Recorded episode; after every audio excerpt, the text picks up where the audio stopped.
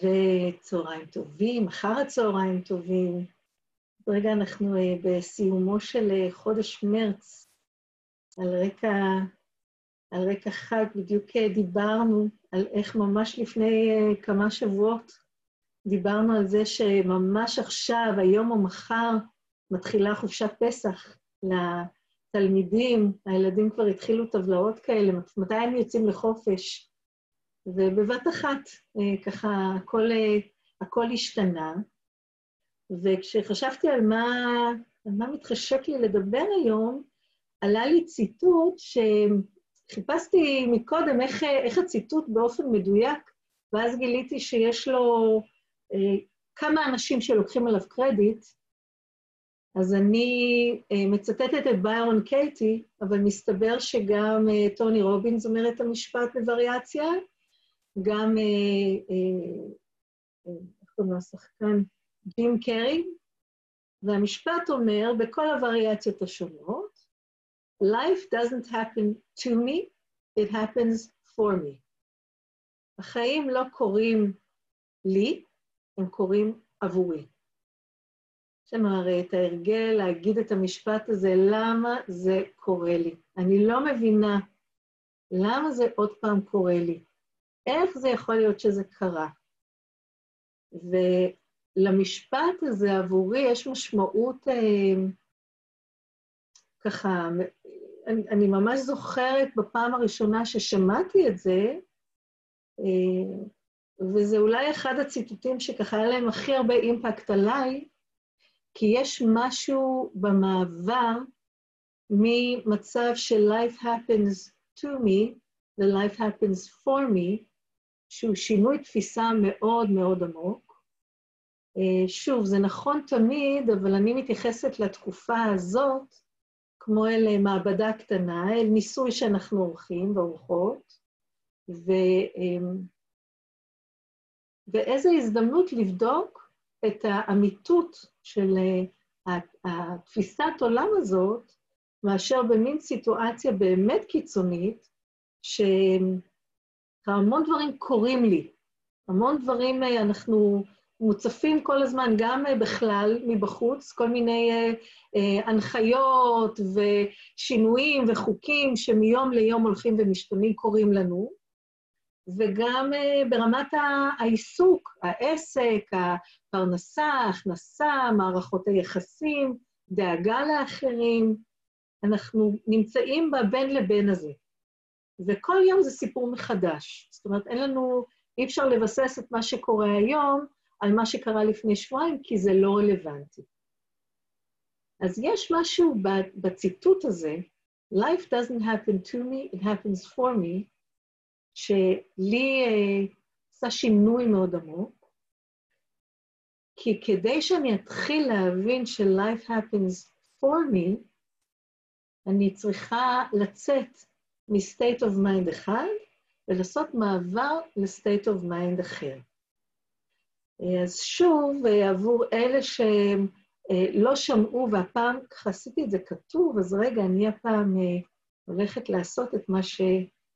אה, דקה, את מה שאורנה עשתה בטבעיות רבה, אני רוצה לשתף אה, מסך ממש בזריזות כדי להראות הפעם בכתב את ההבדל שיש, וזה יותר רלוונטי באנגלית מאשר בעברית, כי אנחנו בעצם נקראים כדי לעשות את המעבר הזה ממצב שהחיים קורים לי למצב שהחיים קורים עבורי. אה, אז אנחנו, אה, אתי הביאה מתנות יחד איתה היום. אה, אז אנחנו אה, נדרשים לעשות איזשהו שינוי מאוד עמוק שמחובר קודם כל לאופן שבו אנחנו מגיבות, מגיבים למה שקורה. אה, בעברית זו אותה מילה, באנגלית, אני מראה לכם, רגע, שהסכים, אני... אנחנו עוברים ממצב של react למצב של respond. שתי אפשרויות להגיב. אנחנו יכולים להגיב ב-reaction, ואנחנו יכולים להגיב ב-response. אה, אני ממש ככה, עשינו על זה איזה מפגש אחר, אני לא אעריך מאוד, אבל רק כדי לשים בתודעה את ההבדל המאוד מאוד משמעותי בין השניים. React זה מה שכולנו עושים בעצם, עושות ועושים כל הזמן. אנחנו מאוד תגובתיים מעצם זה שאנחנו, יש לנו סט של התנהגויות מוכרות, סט של פעולות שאנחנו רגילים למחזר, סט של דברים שכבר בדקנו, הרגלים שדיברנו, בדקנו את התוקף שלהם, עובדים בשבילנו, ולכן אנחנו ממחזרים אותם כל הזמן. אנחנו נמצאים כל הזמן במצב של reaction. על מנת להתייחס לחיים בתור משהו שקורה עבורי, אני לא יכולה להיות תגובתית. כי אם זה קורה עבורי, זה מצריך ממני מידה של סקרנות. זה מצריך ממני אה, איזו נכונות לעשות איזה חיפוש, מה השיעור בשבילי, מה, איזה, אה, משהו חדש שאני יכולה לראות, שאני יכולה לבחון, שאני יכולה להתבונן, שאני יכולה ללמוד. וכדי להיות שם, אני לא יכולה להיות ריאקטיבית. אני חייבת לעשות את המעבר, להיות במקום שהתגובות שלי הן response, שיש לי את היכולת, את ה-ability, לבחור את התגובה שלי. עכשיו, יש משהו במילים האלה, אם אנחנו חושבות, אה, כשאנחנו מדברים על משהו שהוא ריאקטיבי, שפה עברית, אין לזה ממש אה, תרגום. אבל כשאנחנו אומרים על מישהו או על משהו שהוא ריאקטיבי, אנחנו מדברים על משהו שהוא מאוד תגובתי, אפילו נפיץ. נפיץ, נפיץ. זה משהו שעם תגובה קלה, לפעמים נגיעה, לפעמים גפרור, לפעמים אה, לחיצה על כפתור, ייצר תגובה ריאקטיבית. אם אנחנו חושבים על עצמנו, יצורי אנוש שאנחנו, אנחנו בדרך כלל גם כך מתנהלים בעולם. אנחנו מאוד ריאקטיביות, מאוד ריאקטיביים. לפעמים מספיקה מילה, עזבו מילה.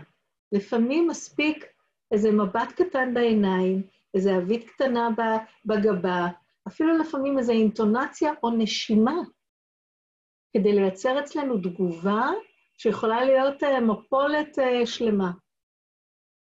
עד כדי כך בדקויות אנחנו פעילים ופעילות, שלפעמים מספיק שתיקה לא במקום, או כן במקום, כדי לייצר תגובה מאוד מאוד גדולה.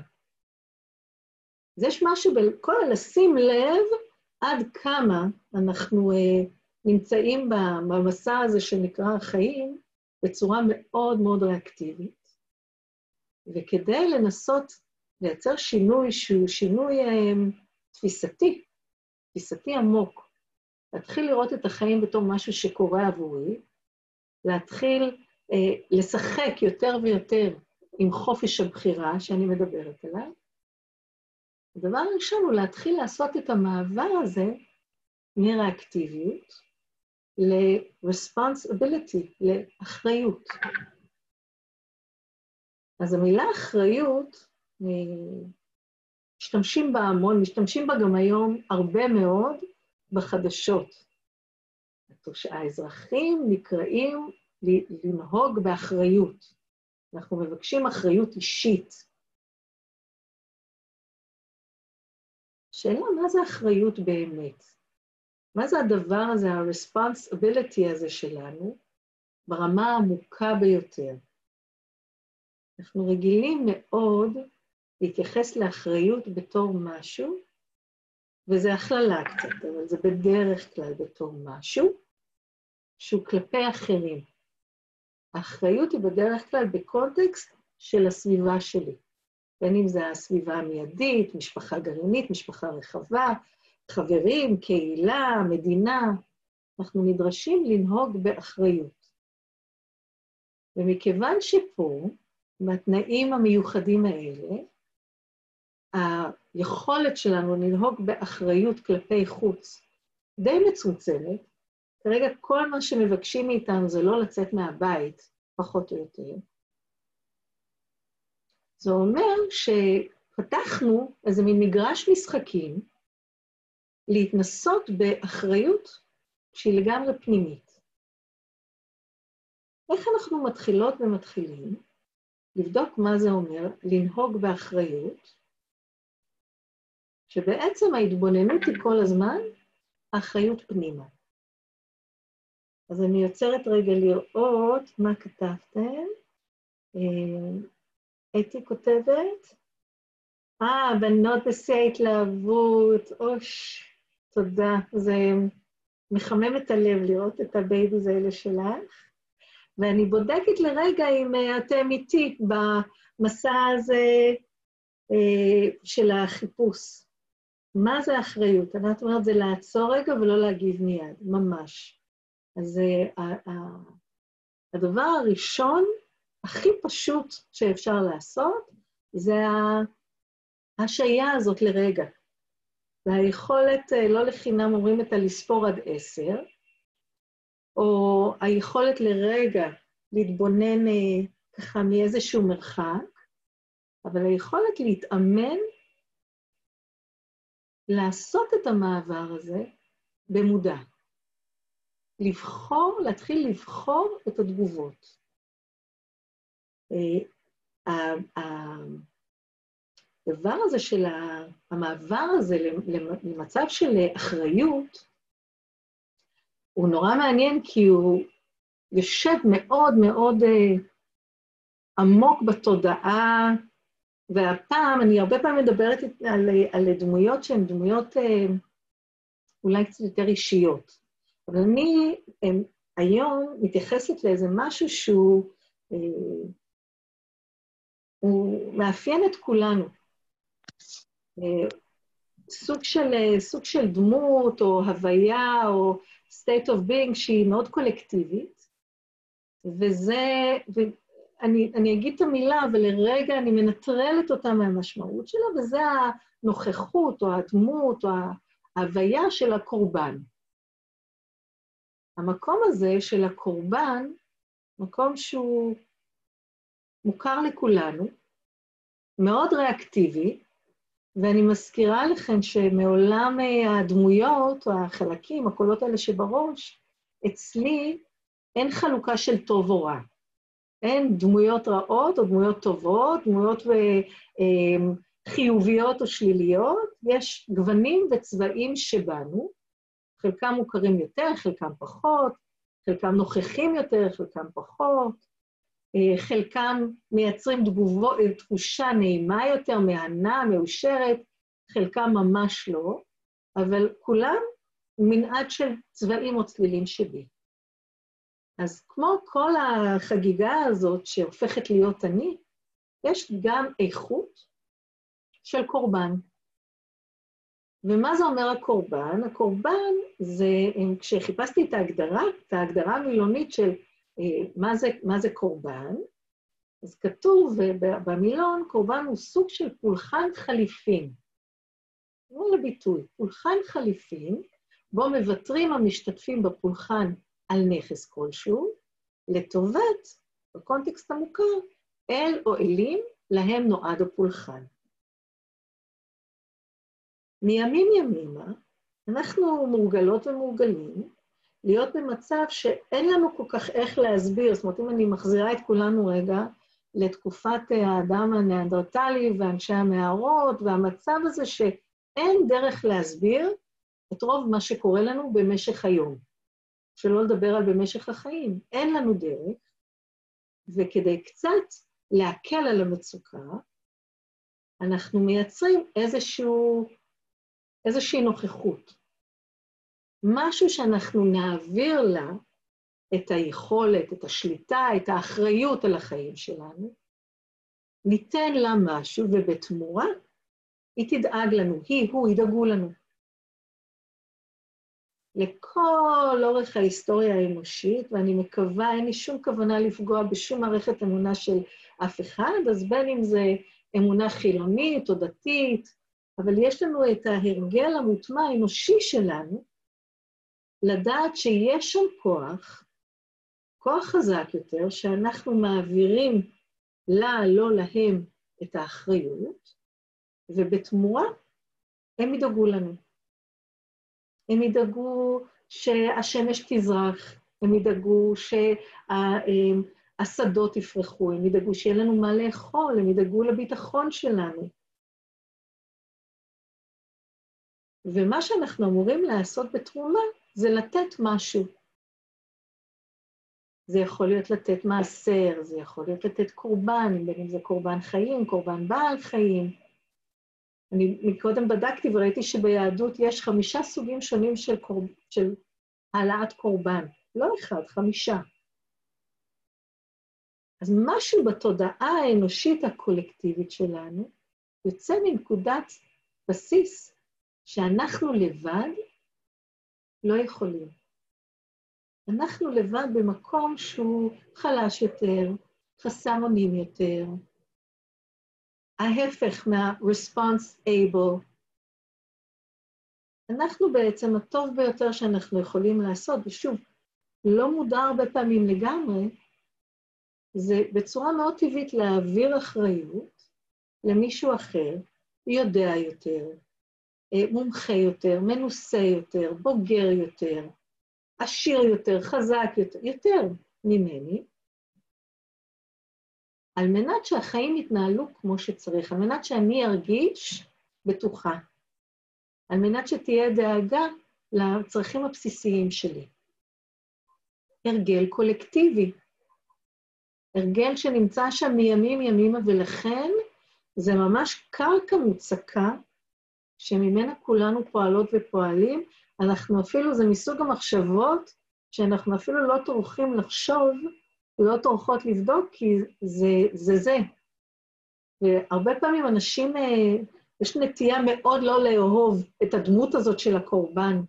אנשים אומרים לי כמה הם רוצים לצאת מהתודעה הזו, כמה זה בלתי נסבל להרגיש קורבן, אבל יש משהו שחשוב להבין שזה קודם כל עוד חלק שבנו, וחלק שהוא מאוד מאוד משמעותי. הוא נמצא שם בבסיס של האופן שבו אנחנו עושים את הבחירות שלנו.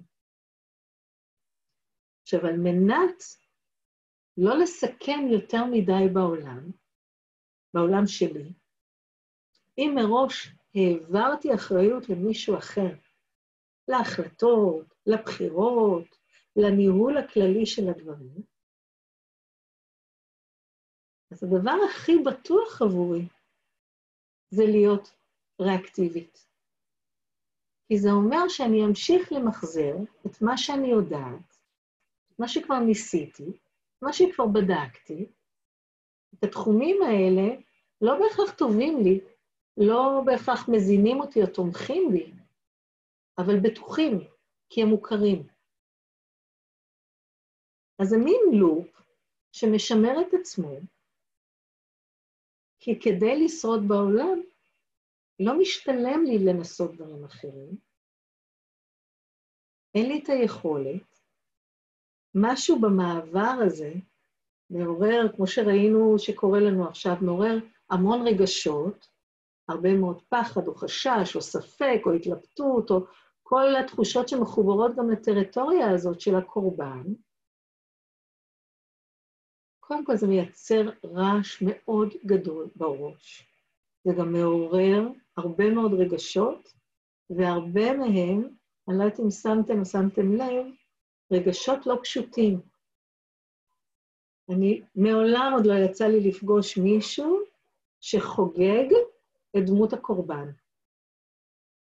אז תתקנו אותי אם אני טועה, אבל לא הכרתי מישהו שאמר לי, שהגיע לסשן ואמר, וואו, אני מתה מסקרנות להכיר את הקורבן שבי. אני רוצה לתת לזה קצת יותר מקום מודע. זה כאילו התחושה, ההוויה, הנוכחות, שכמעט הכי קשה לנו איתה, אם, אה, אם אני ככה אשאל אתכם, זה חלק מהקונוטציות או אסוציאציות, ואני אשמח אם מישהו מתחשק לכתוב בצ'אט, הדברים שמעורר, מעוררת, שמעוררים מחשבה, אה, הרגשות שעולים סביב זה, זה בדרך כלל אה, חולשה, נידיות, נזקקות, איזה עוד מילים עולות לכם סביב המקום הזה של הקורבן, התחושה הזאת של הקורבן? אה, אה, הרבה מאוד חוסרים, חוסר יכולת להגיב, חוסר אנרגיה. אה, אם אנחנו חושבים על אנשים סביבנו שאנחנו, שזוכים מאיתנו לטייטל הזה של קורבן, זה בדרך כלל ככה עם כל מיני מנעד ביקורת מאוד גדולה, ביקורת, חולשה, כותבת אניטה. אבל מה אם המקום הזה, קודם כל, הוא נורא מוכר לנו. הוא מוכר לנו קולקטיבית. הוא גם מוכר לנו עובדתית. עכשיו אנחנו מלידה, אה, כל שנות הילדות שלנו, אנחנו גם באיזה מין תלות. באיזה מין מצב שהעברנו את ה-responsibility למישהו אחר. מי שזכה או זכתה לעבור ממש מרד נעורים, אולי יתעקשו להחזיר קצת מהכוח הזה חזרה, אבל זה גם מוגדר כמרד, תקופה מוגדרת בחיים, ואז אנחנו מהר מאוד חוזרים להרגל.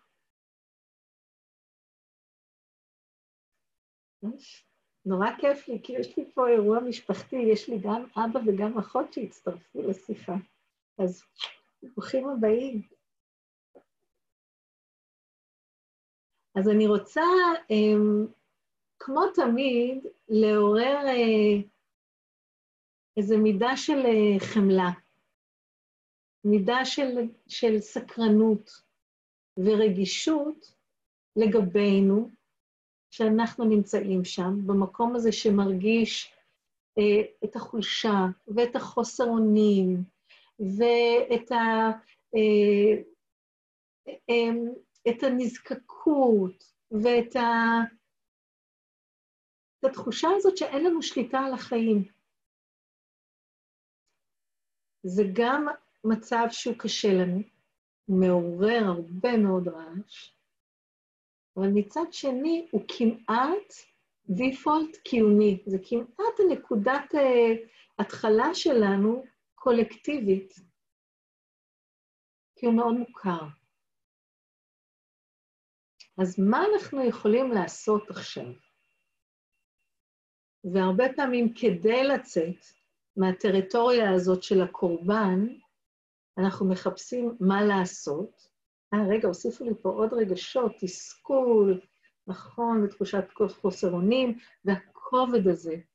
הכובד הזה, ואני חושבת שיש משהו אה, שמשותף, וגם אה, אלה מאיתנו שהתקופה הזאת כן אה, ככה מעוררת אה, את, ה, את האופטימיות או את הראייה של הפוטנציאל האפשרי, אבל הכובד הזה מוכר לכולנו.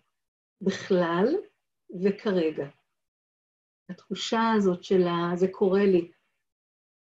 משהו מבחוץ משפיע ואין לי יכולת שליטה עליו, והדברים קורים לי עכשיו. ואני מזכירה שהרצון שלנו זה לבדוק אפשרות לעבור מ"החיים קורים לי" ל"החיים קורים עבורי". אז קודם כל, איזו הזדמנות לתת איזו נוכחות שקטה ל... לרגשות האלה שעולים עכשיו, לחולשה ולחוסר אונים ולכובד ולתסכול ולאכזבה אולי ולייאוש. או, זה מה שמאוד מאפיין קורבן, זה מידה של ייאוש אולי או מצוקה. כל המנעד הזה, שאנחנו במאמץ מאוד גדול בחיי היום-יום בדרך כלל לא להרגיש את הדברים האלה, הם כבר נמצאים במרחב, לרגע אפשר לתת להם מקום. מזכירה, סט של צבעים שבדרך כלל אנחנו לא מאפשרים בכלל לעצמנו לחוות. אז למה זה משתלם? הדוגמה שלי זה תמיד uh, עם הגב, שיש לי uh, uh, טפו טפו, נראה טפו טפו טפו. הפסיק לירוק, אבל אני יכולה להמשיך לירוק. אבל לי באופן אה, אה, ככה רגיל, היסטורי, פעם, פעמיים בשנה, כשאני עוברת את הגבול של עצמי, מגזימה עם העשייה, מגזימה עם השעות של הישיבה, לא קשובה לגוף, אגב, נתפס לי. זאת הדרך הכי יעילה לגוף שלי, לאותת שעברתי את הגבול, לא הקשבתי כשהיו את הסימנים הקטנים לפני, לא הקשבתי כשהיו את הסימנים הקצת יותר גדולים, הבטחתי לעצמי בראש שמחר אני באמת אלך, ממחר אני מתחילה משהו, לא עשיתי את זה, ואגב, נתפס. עכשיו, מאותו רגע אצלי, זה הם מוצאים מהבוידם, יחד עם הגב, סט של צבעים, שהם בדרך כלל לא בשימוש. אז באמת אחד מהם זה התחושה הזאת של החולשה. אחד מהם זה התחושה, יש משהו שמאוד uh, עושה הרגשה זקנה בגוף.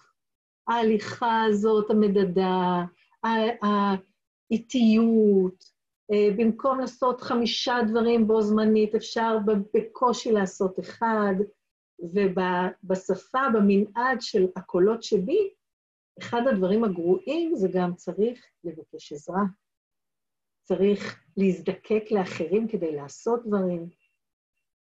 עכשיו, כשמוציאים את הפרשנות מכל הדברים האלה, בסך הכל הגוף מאפשר לי כמה ימים לשכב, לנוח, לאגור כוחות, לחזק את עצמי, לזכור שאני לא חייבת לעשות את כל הדברים שאיזה שהן דמויות מזכירות לי בראש שחייבים לעשות, לבקש עזרה, אה, לאפשר לאחרים לתמוך בי, כל מיני דברים די שווים, שמתוך הרגל, לפעמים אני צריכה להגיע עד למצב של גב תפוס, כדי לאפשר להם להיות בחיים שלי. אז אני לוקחת אותנו עכשיו לדוגמה של כולנו, עם המציאות הנוכחית. מציאות שגם מעוררת בנו תחושה של חולשה, של חוסר אונים, של נזקקות, מי בשליחים שצריכים להגיע, ומי שנזקק לעוד מידע מהחדשות, אה, פתרונות, כל מיני דברים שחוסר, כל מיני דברים. משהו קצת קורבני, כי אין לי שליטה. אבל איזה יופי שבתקופה הזאת, בתוך הצלחת פטרי המשותפת הזאת, אנחנו בודקים רגע מה באמת קורה, ואיזו הזדמנות שכולנו לרגע שותפים באותה חוויה, כי זה אומר שאנחנו, אף אחד לא יותר מי או פחות מי. יש לנו איזה קולות מאוד משווים בדרך כלל. טוב, זה קורה רק לי. כולם בסדר, אבל רק אני לא, עכשיו כולנו שותפים לאותן חוויות. אז קודם כל, הזדמנות לתת, לתת נוכחות למקום הזה של הקורבן. אוי, פתאום אני נזכרת, ועוד בכלל, על רקע פסח, אוי, לא, עכשיו כל הזמן אני מדבר על החג הזה, אבל על הרקע הזה של מעבר מ-state of mind של עבדות, של המקום הזה שבאמת אין לי שליטה על החיים שלי. אני חייבת לעשות את מה שכפו עליי למצב מאוד אחר, לחירות, לחופש בחירה.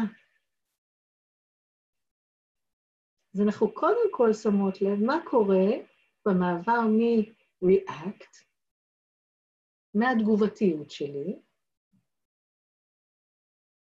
למודעות, לרגע, הזאת של, לרגע הזה של ההשהיה, לרגע הזה של הבחירה, מה נכון לי, כדי לעבור לאחריות, ל-responsibility, אבל לא כלפי העולם, לא כלפי האחרים, לרגע, אנחנו נורא טובים בזה.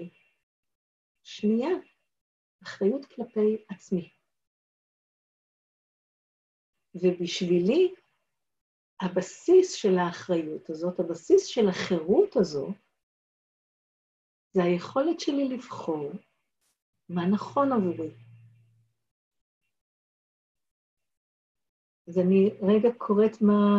יש משהו מאוד משחרר בכך שאין לנו שליטה עכשיו. זה ממש נכון, אין לנו שליטה עכשיו, ומה שמאוד מאוד משחרר זה שלאף אחד אין שליטה. וגם אם נדמה שלמישהו יש, זה מכיוון שיש לנו, לכל אחד ואחת מאיתנו אסטרטגיות שונות, ויש כאלה שממסכים את זה טוב יותר.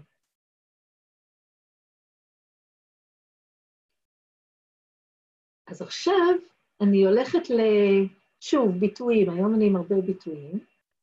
אה, בעברית אנחנו קוראים לזה ניסיון. וטעייה, באנגלית trial and error. ושתי האפשרויות, מה מציעים לנו? אנחנו ננסה משהו, אנחנו נטעה, ולפי הטעות אנחנו נלמד. בילט אין לתוך הרעיון, לתוך המכניזם הזה, זה שננסה משהו חדש, סיכוי טוב שנטעה, אבל מתוך זה אנחנו נסיק מסקנות. עכשיו, זה אמ, מין עסקה לא ממש משתלמת, כי מראש אנחנו מתוכנתות ומתוכנתים לא ממש להתנדב לעשות טעויות. הרבה מאוד מהאסטרטגיות שלנו מונעות מאיתנו לעשות דברים כדי לא לטעות. ואני זוכרת, וזה אולי בגלל שאני קצת דו-לשונית, שהרבה מאוד שנים, לדעתי עד לפני עשר שנים, אני הייתי בטוחה שהביטוי הוא ניסיון ותהייה. ככה גם הייתי כותבת את זה. נורא הפתיע אותי שבעצם הבקשה זה ניסיון ולטעות. אז אני מזמינה את כולנו לעשות את המעבר לניסיון ותהייה. לעשות איזה ניסוי, כל פעם משהו קטן, לבדוק, אם הוא עובד, מצוין. אם הוא לא עובד, אז כנראה אפשר לבדוק משהו חדש. אבל כדי לדעת אם זה עובד או לא עבורנו, אנחנו חייבות וחייבים להסכים לתת לעצמנו את הרגע הזה להתבונן, להיות בתהייה, להיות בסקרנות הזאת. לא להסיק מסקנות, לא לפרש פרשנויות, לא לחשוב מחשבות על מה היה, אלא פשוט להתבונן. מעניין מה זה מאפשר לי. היום בדיוק דיברתי עם, עם אימא שלי, האהובה שנמצאת פה, שאמרה לי, סיפרתי לה שהלכתי לעשות משלוח, אז הלכתי לעשות קניות, לי אין סבלנות לחכות למשלוחים, וגם מהמקום שלי של, אה, של אה, אה, התמודדות שלי עם הדבר, אני, יש לי איזו תחושה של החופש שלי, זה כן בכל זאת לצאת החוצה לעשות את הקניות. דיאלוג פנימי שלי. והיא אמרה לי, לבשת מסכה? אמרתי לה, לא, אמרו לפני יומיים שלא לובשים מסכות. היא אמרה לי, לא, לא, לא, אבל עכשיו אמרו שכן לובשים מסכות. מה עושים? עכשיו, אפשר להיכנס לסחרור של ביקורת, וסתם, זו דוגמה ממש קטנה, אבל במין מצב כזה, אולי עשיתי טעות, אולי ניסיתי משהו וטעיתי. ואז אני טועה, ואז עולה ביקורת, והביקורת מקטינה ומכווצת ומעוררת את אותן תגובות ריאקטיביות שאנחנו ממחזרים ממילא כל הזמן. אבל אם אנחנו לרגע, בניסוי הזה של כאן ועכשיו, תוהות, מעניין מה קרה, יש לי מה לעשות עם זה כרגע? לא ממש. אני יכולה ללמוד מזה? ברור. אני יכולה לחקור את זה, לבדוק את זה, להחליט, לבחור. אני יכולה להחזיר לעצמי את תחושת האחריות. יש, אה, קראתי איפה שאני לא זוכרת מי אמר, משהו נורא נורא יפה. אה, שוב, אנגלית.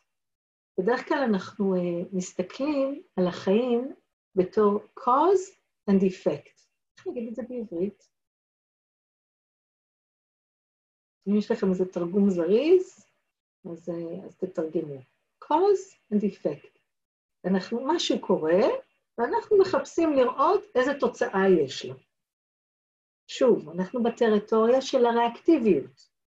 משהו קורה, כפתור נלחץ, התנהגות קורה, משהו קורה מולי, החיים קורים לי, ואני מגיבה. ככה אנחנו רגילים לחיות את החיים. משהו קורה, ובהתאם למה שקורה, אני מגיבה.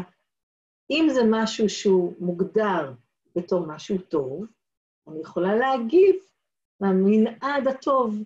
שמחה, אהבה, התרגשות, עושר, כל הדברים האלה שהם תגובות, הם בארגז הזה תגובות למשהו טוב. כשקורה משהו שהוא נחווה בתור לא נעים, מכאיב, אה, מצמצם, מכווץ, מכעיס, מתסכל, מרגיז, אה, מעליב, משפיל, כל אלה, מיד זה מעורר את ארגז הרגשות שנחשבות לא טובות, רעות. הדברים האלה שאני לא רוצה. למה את במצב רוח רע היום? אה, כי הוא אמר לי משהו ומשהו. למה את כל כך מאושרת? אוי, כי מקודם נתנו לי פרחים. אבל מה היה קורה אם היינו הופכים את זה, ובמקום cause and effect, היינו עוברים למצב שאנחנו causing effect.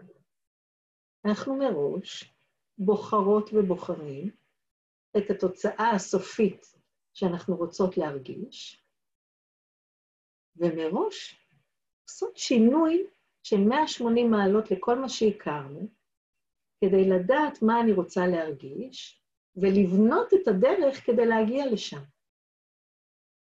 עכשיו, אולי ברגע הראשון זה נשמע הזוי, אבל כל זמן שאני לא יודעת מה אני רוצה להרגיש, כל זמן שאני תגובתית, אני מצפה שמשהו יקרה לי כדי להרגיש טוב, ואני פוחדת שמשהו רע יקרה לי כי זה, אני ארגיש רע, אני לא משנה שום דבר. אני לא הופכת להיות שם response able. אני נשארת מאוד reactive. אם אני יודעת מה נכון לי, איזה רגשות מדייקים אותי, איזה דברים, כשאני חווה אותם, כשאני נמצאת שם, אני במיטבי. זה יכול להיות תחושה של חופש, רגש של אהבה, אה, חוויה של אושר, של, אה, אה, של ג'וי, של שקט, של רוגע. זה יכול להיות תחושה של מאוד סקסית, זה יכול להיות משהו שאני מרגישה מאוד משמעותית, בעלת ערך.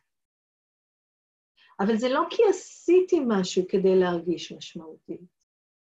זה לא כי חיכיתי שמישהו יגיד לי כמה אני בעלת ערך. זה לא כי אני בהמתנה שמשהו יזכיר לי להרגיש מאושרת, אלא ממש ההפך. אני בוחרת מה להרגיש, מה מדייק אותי, מה נכון לי, ואני מתחילה לטוות את הדרך כל יום מחדש, כדי לאפשר ליותר ויותר מהתחושות, מהרגשות האלה, להיות נוכחים בחיים שלי, לכוון ולהגדיר אותם. אז אני מתחילה להיות response able. שם אני מתחילה לבחור את התגובות שלי בהתאם לתוצאה הסופית שאני רוצה להרגיש. אז אם אני קמה בבוקר, ואחד הרגשות שמנחים אותי זה אה, לפעול מתוך איזה שקט. אחת הפעולות שאני יכולה לעשות זה להתחיל את הבוקר במדיטציה. לא כי בעקבות המדיטציה אני ארגיש שקט, אלא כי שקט זה אחד הדברים שעוזרים לי להרגיש את מה שאני רוצה להרגיש. אם אחד הרגשות המנחים אותי, וטוב, הבנתם כשאני יוצאת לקניות, אז אחד הרגשות שלי זה חופש. אז אני לא צריכה לחכות שמשהו יאפשר לי להרגיש חופש, אלא אני מזכירה לעצמי שיש כמה דברים שכשאני עושה אותם, במודע, בין אם זה נגיד עכשיו, בצמצום הזה, ירידה למטה עם הכלב לטיול. אני אחראית היום על כל ההורדות שלו כמעט, לא כי אני חייבת, זה עוזר לי לדייק את תחושת החופש שלי.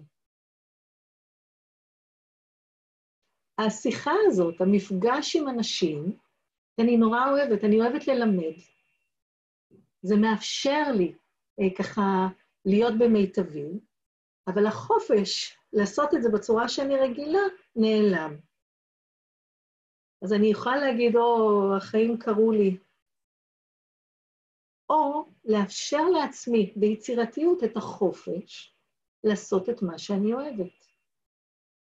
לא בדיוק כמו שאני רגילה, אבל מאפשר לרגש הזה להיות מאוד נוכח. וכשאני בוחרת את הרגשות שלי, אני בוחרת את הדברים שמרחיבים ומעלים את האנרגיה שלי.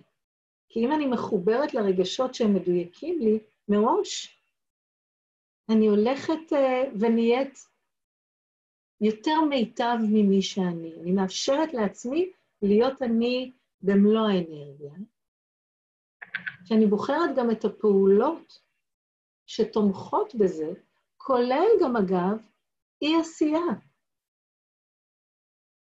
כדי להיות בשקט הזה, שקט שלי הוא כל כך משמעותי, אחת הפעולות היא לזכור, ואנשים שמאוד בדואינג יודעים כמה זה מורכב, לא לעשות. להסכים, לא לעשות. ופתאום, כשהחיים נתנו לי מתנה שהווליום של העשייה יורד מאוד, זה מזכיר לי איך לתרגל את השקט שהוא מאוד משמעותי לי.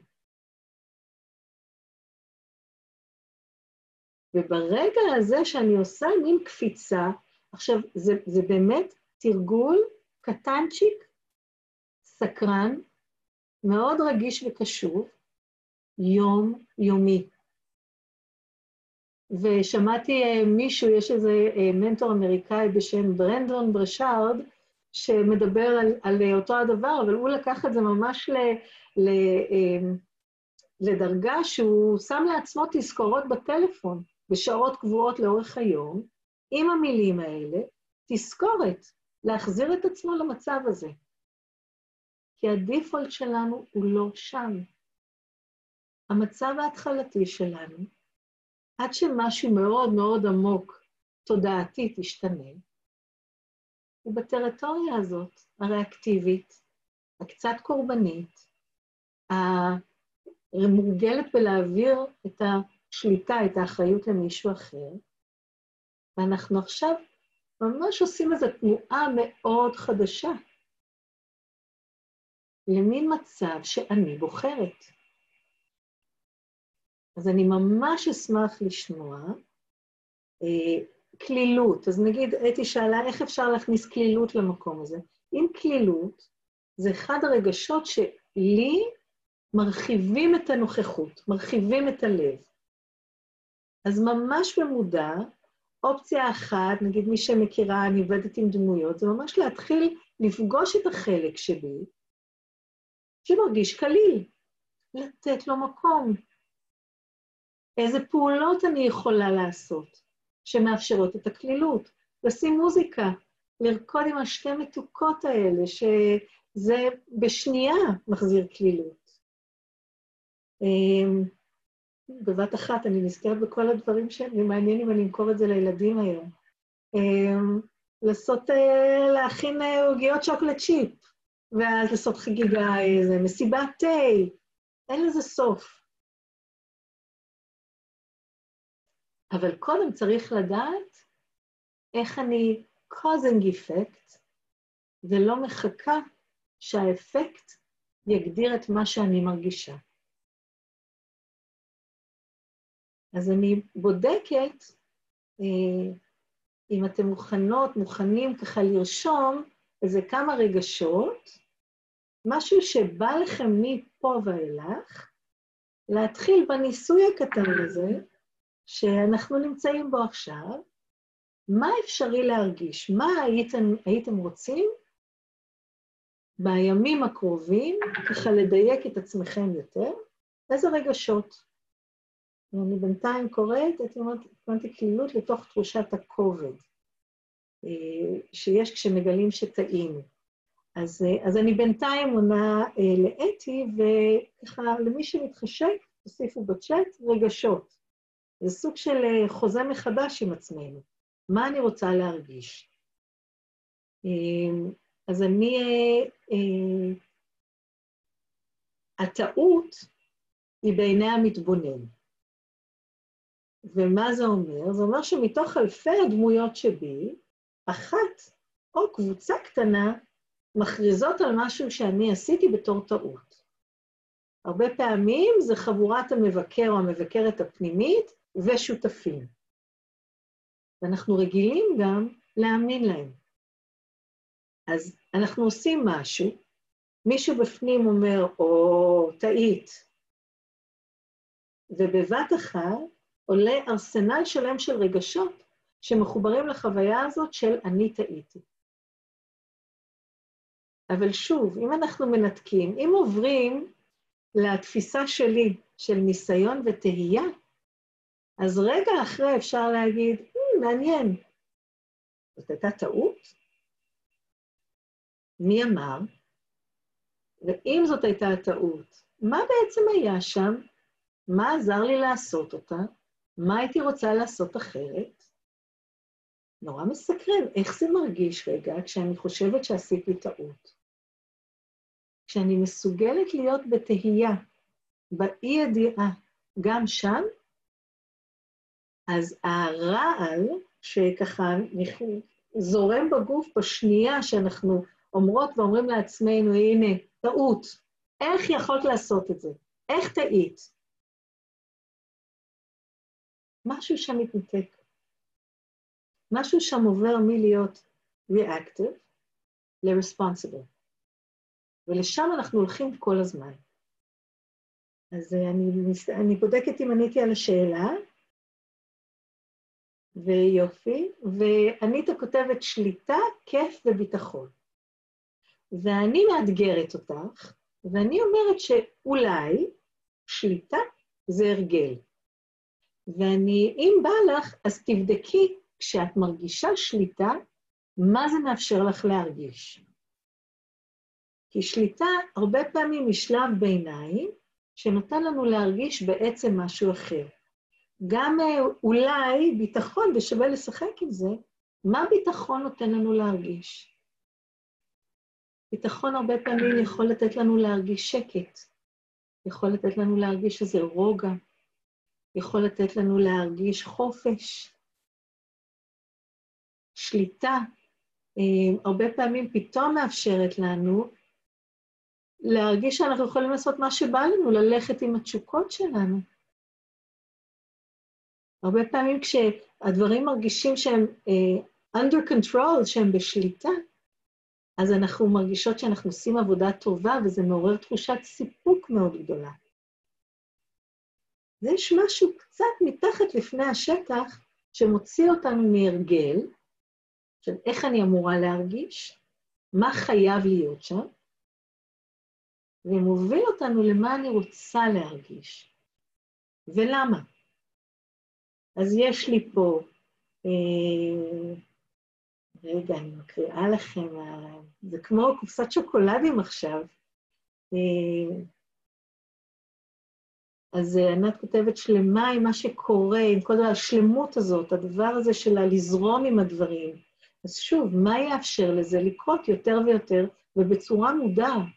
זה ממש תזכורת, ואיזה אה, מיידי אה, קורה לנו כשזה לא, כשזה לא שם.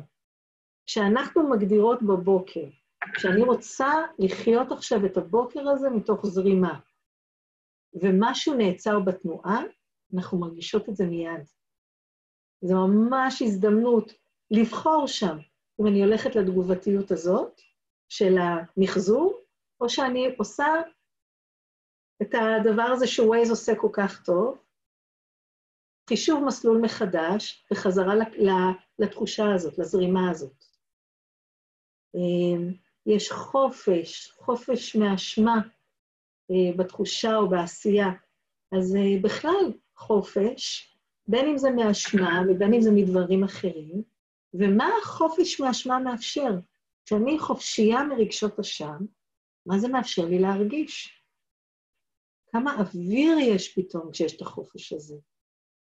נורא מסקרן להתחיל לראות איזה רגשות יושבים שם, כי אנחנו כאילו כל החיים במסע כדי להרגיש את הדברים האלה. אין לנו מושג מה הם, אנחנו לא מגדירים אותם, ואנחנו מחכים שאולי במקרה, אולי היום הזה יספק לנו אותם. אבל אם כבר אנחנו נמצאים יחד במין תקופה שכזאת, בואו נבדוק, אפשר לזרוע זרעים אחרים. רוגע יש פה. חופש מהמחשבה שאני לא מספיקה, שאני לא מספיקה בכלל יופי, שאני צריכה, ולהיות באי עשייה עם שלווה פנימית.